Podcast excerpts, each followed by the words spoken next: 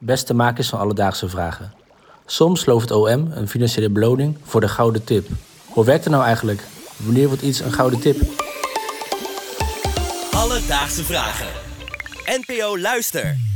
John uit Amersfoort, dankjewel voor je vraag. Ja, Merel was onlangs weer raak. Ehm, de crimineel met de iets wat ongelukkige bijnaam Lucky. Die werd eh, aangehouden na een tip van een oplettende burger. En dat bedrag bedroeg 30.000 euro. Nou, ik moet zeggen, ik heb geen oog daarvoor, denk ik. Ik zie het nooit. Nee? Nee, ik heb dat wel met kattenposters. Ah. En laatst eh, was er een kat kwijt. En daar kon je ook 300 euro voor krijgen als je hem terugvond. Heb je hem gevonden? Tuurlijk niet. Nou, dat is jammer. Om eventjes terug te komen bij de vraag van John. Ja, hoe werkt het nou precies? Wanneer is iets een gouden tip? En hoe werkt die uitbetaling? Nou, daarvoor hebben we gebeld met strafrechtadvocaat Sarah Bouvadis. En voordat we uitleggen hoe die uitbetaling werkt, even terug naar de vraag: wat is nou precies een gouden tip voor de politie? Ja, een gouden tip, daar spreekt de politie en het Openbaar Ministerie eigenlijk niet over. Het gaat er natuurlijk om een tip op grond waarvan iemand wordt aangehouden. Maar dat betekent dat iemand wordt aangehouden op grond van die tip, maar vaak ook met ander bewijs of andere omstandigheden. Dat leidt dan allemaal samen tot die aanhouding.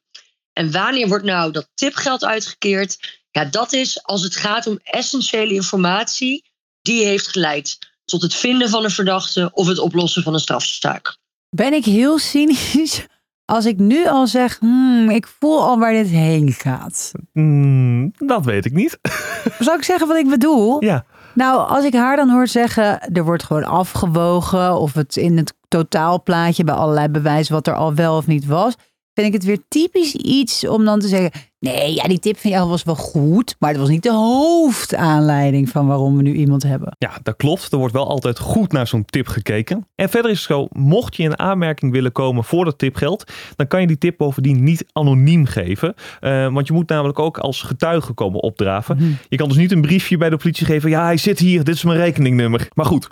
Stel je hebt dus wel die informatie en je bent die bereid eh, nou ja, aan de politie te geven. Hoe werkt die uitbetaling dan? Nou, je ziet ongeveer over het algemeen dat er bedragen van 5000 euro tot 100.000 euro worden uitgeloofd. En die worden dan uitbetaald en daar hoef je ook geen belasting over te betalen. Maar mocht je nou precies dezelfde tip hebben gegeven als een andere tipgever, dan moet het tipgeld worden gedeeld. Dus je krijgt niet altijd het totale bedrag dat is uitgeloofd als je een gouden tip hebt gegeven. Want er zijn misschien wel andere mensen die precies hetzelfde hebben gezien of gehoord. Gebeurt, gebeurt het nou eigenlijk vaak? Wordt er, wordt er toch veel uh, gouden tip uitgedeeld aan de politie? Nou, dat heb ik Sarah gevraagd en het is echt, ik vond het schrikbarend weinig. Want in de afgelopen 13 jaar is er slechts in 12 zaken geld uitgekeerd voor zo'n gouden tip. Uitgekeerd? Ja. Maar hoe vaak wordt er een gouden tip gedaan? Maar? Nou ja, blijkbaar volgens de politie 12 keer. Want er Ja. is 12 keer geld uitgegeven. Oké, dat is wel heel weinig, toch? Ja, en ondanks dat het dus heel weinig is uitgekeerd, ja, blijft de politie toch maar deze tactiek hanteren, om het zo te zeggen. Want het levert ja, toch wel heel veel op volgens Sarah. Je ziet eigenlijk juist meer dat het vroeger alleen werd gebruikt, het uitloven van tipgeld, als het echt nodig was voor een strafzaak. Maar tegenwoordig gaan, gaat de politie en het OM die gaan eigenlijk steeds sneller eh, tot over tot het uitloven van tipgeld. Ja, en ik snap die redenering ook wel. Want als een zaak gewoon wordt opgelost met een simpele tip, dan kan je je wel voorstellen hoeveel werk dat scheelt voor de politie. Nou, de politie heeft onwijs veel capaciteitsproblemen. En daardoor scheelt het dus ook geld als een zaak gewoon kan worden opgelost met een gouden tip. En zelfs als de gouden tip niet binnenkomt, dan komen er misschien wel allerlei, laat ik ze zilveren tips of bronzen tips noemen. Gewoon informatie waarmee politie hartstikke veel weer onderzoek kan doen, bijvoorbeeld. Ik denk vooral dat de politie best wel blij is met de zilveren en bronzen tips. Ja, dat denk ik ook. En ook vooral omdat die niet bestaan. Dus je ze niet hoeft uit te betalen. Alledaagse Vragen. Merel, tijdens de voorbereiding van deze aflevering hadden wij het al even over eh, ja, het mogelijk bestaan van Nederlandse bounty hunters. Ja, even goed om te zeggen. Want een bounty hunter is dus iemand die op dit soort tips, gouden tips, jaagt. En Ja. daar eigenlijk zijn geld mee verdient, toch? Precies, nou ja.